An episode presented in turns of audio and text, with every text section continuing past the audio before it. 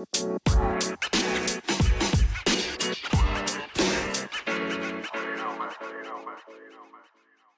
hallo, og hjertelig velkommen til uh, podkasten Inn i fremtiden. I dag har vi som vanlig med oss eh, Martin og meg, Magne. Vi har, Hei. hei. Vi har eh, mastergrad i litteraturvitenskap og gleder oss til å snakke om klassikeren 'Gjengangere' av Henrik Ibsen. Det blir så Det blir bra. Eh, Men vi har fått med oss to gjester Jeg skal hjelpe oss litt. Eh, Vi har fått med oss Robert og Terje. Hallo.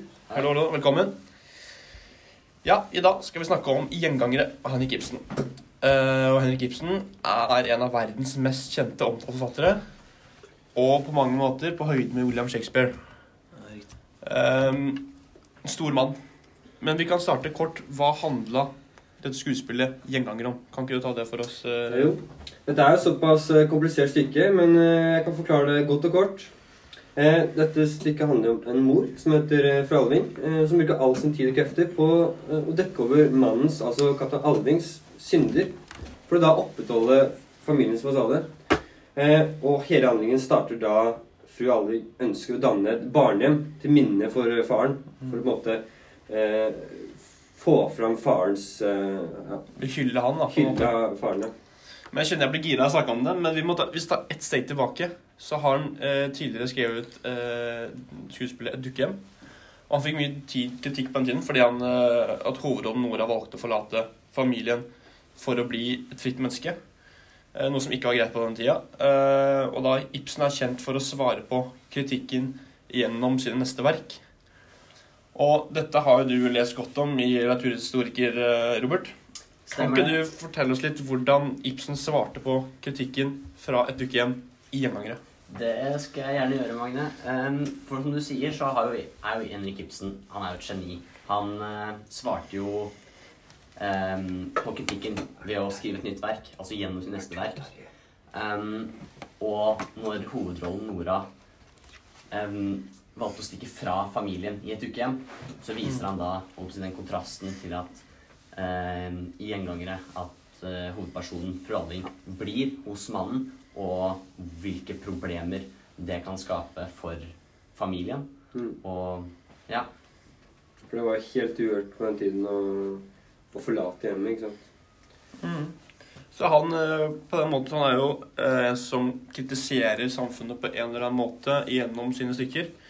Eh, Så gjennom Gjengangere så kritiserer han da også eh, kvinnens rolle gjennom da bl.a. fru Alving eh, og Regine, som da må eh, jobbe standard for at kaptein Alving skal opprettholde et, eh, en fin fasade, at han skal ha den stoltheten som alle andre tror han har. Eh, Vi har også Regine, som eh, blir tatt frem for å kritisere eh, kvinnens rolle. Eh, fordi at eh, hun og Osvald hadde en litt sånn rar eh, relasjon. Hvordan var det, eh, Terje? Nei, altså, Regine og Osvald de var jo halvsøsken, uten at noen visste om det. Ehm, og etter hvert i stykket så begynte de å prøve seg litt på hverandre og, og smiske og litt sånn. Ehm, og det gikk jo rett i dass når eh, Regine da fant ut at Osvald var sjuk. Så det var egentlig litt greier mellom de to. Ehm, Ja, for det var jo så at eh, Osvald var jo Nei, Regine prøvde jo bruke Osvald som en uh, billett ut i friheten, ikke sant. mm. Men når, uh, men uh, når Regine fant ut at Osvald var syk, og at det var på en måte Det var ikke det en mulighet likevel. Og da var det bare å forlate Ja, ham. Ja, for Regine hadde jo drømt om å reise til Paris og alt det som Mm. Osvald hadde fortalt om. Det viser litt ja. Ja, Ja, det viser litt hvordan Henrik Ibsen bruker på en måte kvinnerollen til å vise på en måte hva fremstille akkurat den derre Det som uhørt på tiden, at kvinner skulle velge selv hvor de skulle gå. ikke sant? For det var helt uhørt og tabubelagt. mm. Mhm. Vi har nå snakka litt om eh, hvordan Henrik Ibsen klarte å kritisere forskjellige deler av samfunnet. Eh, vi skal altså ta nærmere inn på andre temaer som utroskap og incest. Men før det så kan vi gå litt inn på fasadelivet og hvordan Henrik Ibsen skildra dette.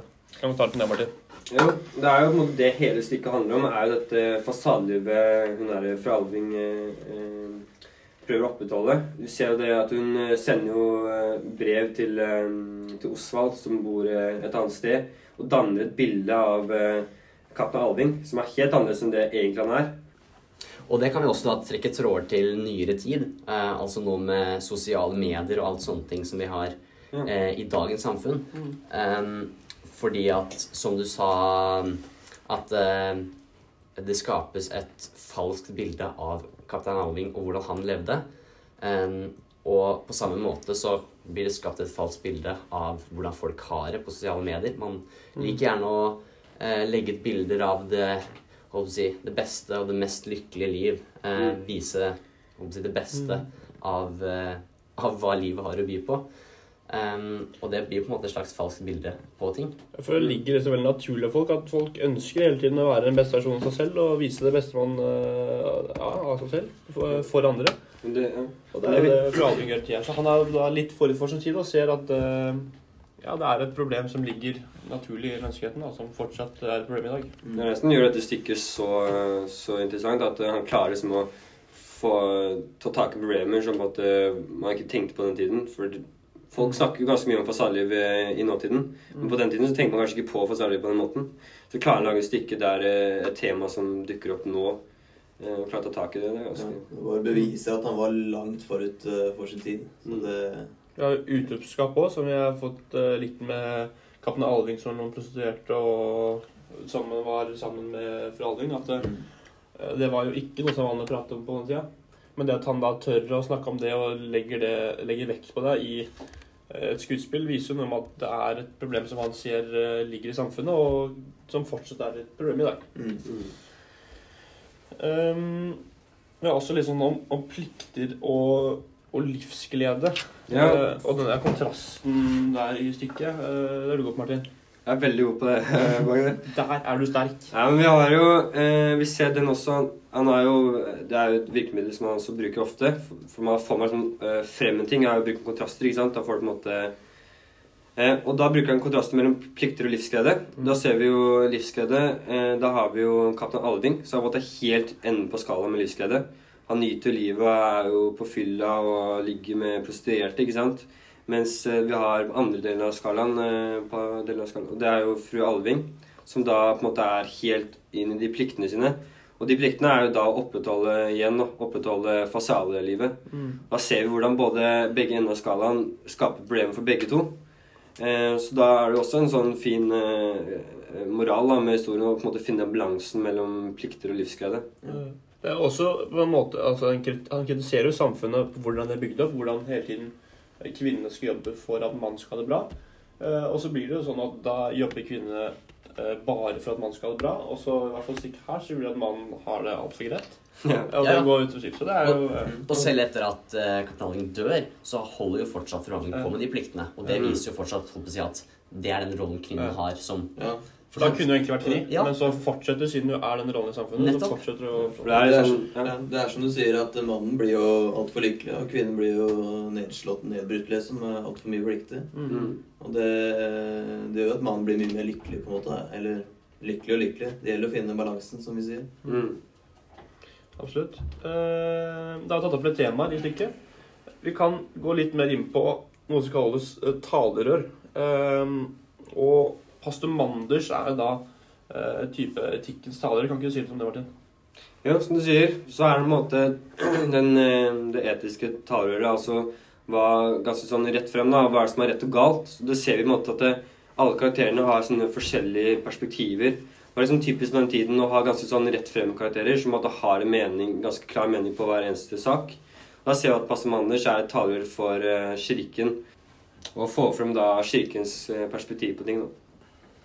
En annen person i mm, den, dette skuespillet som også har et eh, klart talerør, i hvert fall det jeg kommer fram til eh, at denne personen har, det er fru Alving, eh, som da kan minne om Henrik Ibsen, eh, i og med at eh, fru Alving er jo den karakteren i dette skuespillet som kanskje har de mest moderne tankene, som tenker mest om hva som er best for inn i jeg, litt sånn eh, for hva som kommer til å skje. Altså Akkurat som Henrik Ibsen, som var liksom, tenkte langt fram i tid, så eh, hadde fru Alving de samme poengene, de samme tankene som eh, Ibsen. For vi så jo at det ble litt sånn konflikter mellom pastor Manders og fru Alving et par ganger. Når hun kom med disse ideene, ikke sant. Og så sa han nei, det gjør vi ikke her. Du kan ikke forlate far, eh, mannen, liksom. Og, Mm. Fordi du har en hemmelighet med at han De skilte, var jo skilt en liten stund, ikke sant. Og da var jo pastor så var jeg ikke enig i det hele tatt. Ja, for han fulgte jo liksom eller, kirkens liksom lover og sånn. da, liksom Passa på at eh, ok, okay ok fru Alving, nå, nå gjør ikke det og det og det. ikke sant? Han liksom Mm. Ja. Så det som på en måte blir kritisert gjennom fru Alving, er jo mange av de eh, temaene vi ser igjen i dag, som han ja, så komme, da. Ja. Ehm, det er mange fine symboler. Det er mange fine symboler. Det er Det er- mange symboler. ja, det er det. Som gjør, det er, jeg må si det, det er det som gjør denne teksten så sykt interessant. Fordi vi har jo snakket litt om den teksten før. Og liksom hver gang vi måtte si noe, så bare er det, så er det Martin Nei, Magne. sorry. Plutselig kommer han med et eller annet som ikke vi vet om. Så plutselig kommer Robert med Det er så ekstremt mye mellom linjene som må liksom tenke seg til. Det er sikkert mer i den teksten som skjuler seg til Ibsen, som uh, vi ennå ikke har funnet. liksom. Det er men vi har jo det som er kjent, da, som mange prater om, i hvert fall. Det er jo den her pipa. Har fått mye oppmerksomhet. Ja. Eh, for der, der er det mye å si om. Der er det kjapt Ja, det er, jo, det er jo mange som har kommet fram til det med denne pipa, at det er eh, et symbol på incest. Og Mm. det, det? har- Jo, det underbygger boka veldig bra. Det står jo veldig sånn Han setter seg ned på kne, og det står veldig sånn Ja, når du begynner å sutte på han, så er det ikke Så er det ikke pipa han ute på, da, for å si det sånn. Ja, man kan tolke det sånn. At man altså- sier det. Ja. Du skal eh, hva ikke si, trekke dyktig og kraftig. Jo, jo, det står mye det. sånn eh, som underbygger det. Og Ja, når du er inne på det, så er det også der, eh, en annen teori. da, med, ja, Det innbygger litt med den med pipa. er den derre kjønnssykdommen. Har ikke du en teori på den, eh, Terje? Robert? Robert. Robert Det st stemmer, det. Um, for denne kjønns... Det kan være en kjønnssykdom som han har arvet av uh, faren sin ved uh, denne hendelsen når han var ung, i og med at han Mm. husker det så godt. Eh, og at det er en sykdom som har eh, skapt trøbbel for han videre i livet. Mm. Eh, og så er det jo andre teorier på det, selvfølgelig. Det er jo sånn du sier at han husker veldig godt, og det er et argument igjen for at det er uh, et symbol for incest, siden det er liksom Ja. det første han husker, det var det her. At, Ja. At, han, sutt- at han røyka den røyken, og den begynte å spy av det. Eller Ja. opp. Det er liksom, det det- var veldig oppmerksomhet, da. Ja, for det er lenge siden, liksom. Det er ikke så mye jeg husker, men akkurat en sånn sjuk hendelse, liksom, det setter Ja. seg, det klistrer seg i hjernen, liksom. Ja, også På denne tida så trodde man jo også at eh, kjønnssykdommer var arvelig. At Ja. det gikk videre i familien. Ja. Som også underbygger det at dette her kan være det som har skjedd. Og så er det jo en annen teori, og det er jo at han, det er selvforsynt. Og det er litt det på en måte boka hinter til eh, på starten, for da, da er den jo eh, på, hos legen, og så får han jo denne sykdommen, eller får den diagnosert, da. Og da tror jo også med en gang at han har gjort det selv. For han lever jo Man får et inntrykk av at han også lever et sånt liv sånn som faren gjorde, med litt sånn Mm. hor og fyll og At det på en måte det ikke var kommet sjokk på at han kunne fått det selv. ikke sant? Ja, Han hadde vel aldri godtatt det. Han ble ordentlig lei seg og virka som han ble knust. da, Beklaga seg veldig for at han har, at han har levd et sånt liv. Det står ikke i boka. Nei, det står ikke sånn rett ut. Det er bare at han godtar det legen sier, og da Ja, det er jo det et tegn på at han har gjort det, og kan ha fått det gjennom der òg. Mm.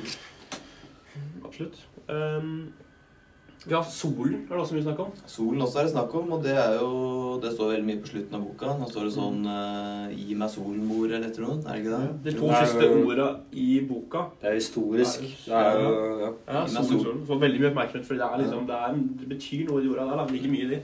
Ja, Så er spørsmålet hva det betyr, da. Ja, ja. Um, jeg kan jo bare kjapt komme med en teori hva jeg tenker. Ja. Eh, og det er jo det at solen kan være et symbol på den morfinen Ja. som eh, Osvald vil ha av moren. Altså når hun Mm. sier 'mor, gi meg solen', altså at eh, Osvald vil at moren skal hjelpe Osvald med å dø. Mm. Jeg føler fall at solen er veldig sånn, det er et veldig positivt lada ord. Ja, det er det. han, han forbinder med noe Han Ja. forbinder med veldig bra. Ja, for det kan også forbindes med lykke. At nå kommer solen, liksom. Nå har han endelig fått uh, ikke sant? For det er ganske tydelig han dør, og det er kanskje det han ville oppnå. ikke sant? Det står veldig sånn Han trengte hjelp med å dø. Det var jo derfor han ville ha Regine også. Så. Det kan også være et symbol på lykke, da. At liksom Mm. Ja, at han ville få lykke. For han sier jo 'gi meg solen'. Og det kunne vært at han har levd et så dårlig liv, og så bare Mm. Gi meg livsglede, gi meg en kraft, som at jeg på en måte kan fortsette til å på en måte Det kan også henge litt sammen med at den var fin. da, At han, solen var litt sånn livsgleden i hans liv. At, det var, Ja. at han var litt avhengig av å Ja. ha rus da, for å ha det bra. Det kan også være. Mm. At, eller at solen er det lyset som man kommer Man man- til når man dør. Stemmer. Jeg skal snakke om det, at, øh, at man ser et lys når man dør, at man skal gi en solen solen. Da er det, da er det slutt. Men altså det som er så spennende, fordi det er måte, selv om det er veldig mye sånn teori man er ganske sikker på, så er det ingen fasitsvar. Det er på en måte, Du kan jo tolke det på så sykt mange så forskjellige måter. Så på en måte, Det er ikke sånn at Henrik Ibsen sier at ja, solen betyr det og solen betyr det. Det er sånn, det kan bety hva man vil. Det er bare hvordan man tolker det selv. ikke sant? Mm. Absolutt. Eh, vi, kan gå, vi kan snakke lenge om det, gutter. Eh, vi må litt videre for å holde tida. Det er mange litterære virkemidler her som gjør stykket til en klassiker og gjorde den så populær som den ble. Eh, blant annet så har vi Titteskapsteater. Hva er det for noe, Robert? Robert. Jo, det er jo noe som Henrik Ibsen er veldig kjent for, og som gjorde han til en av de store på denne tida. Eh, er jo de metodene han brukte.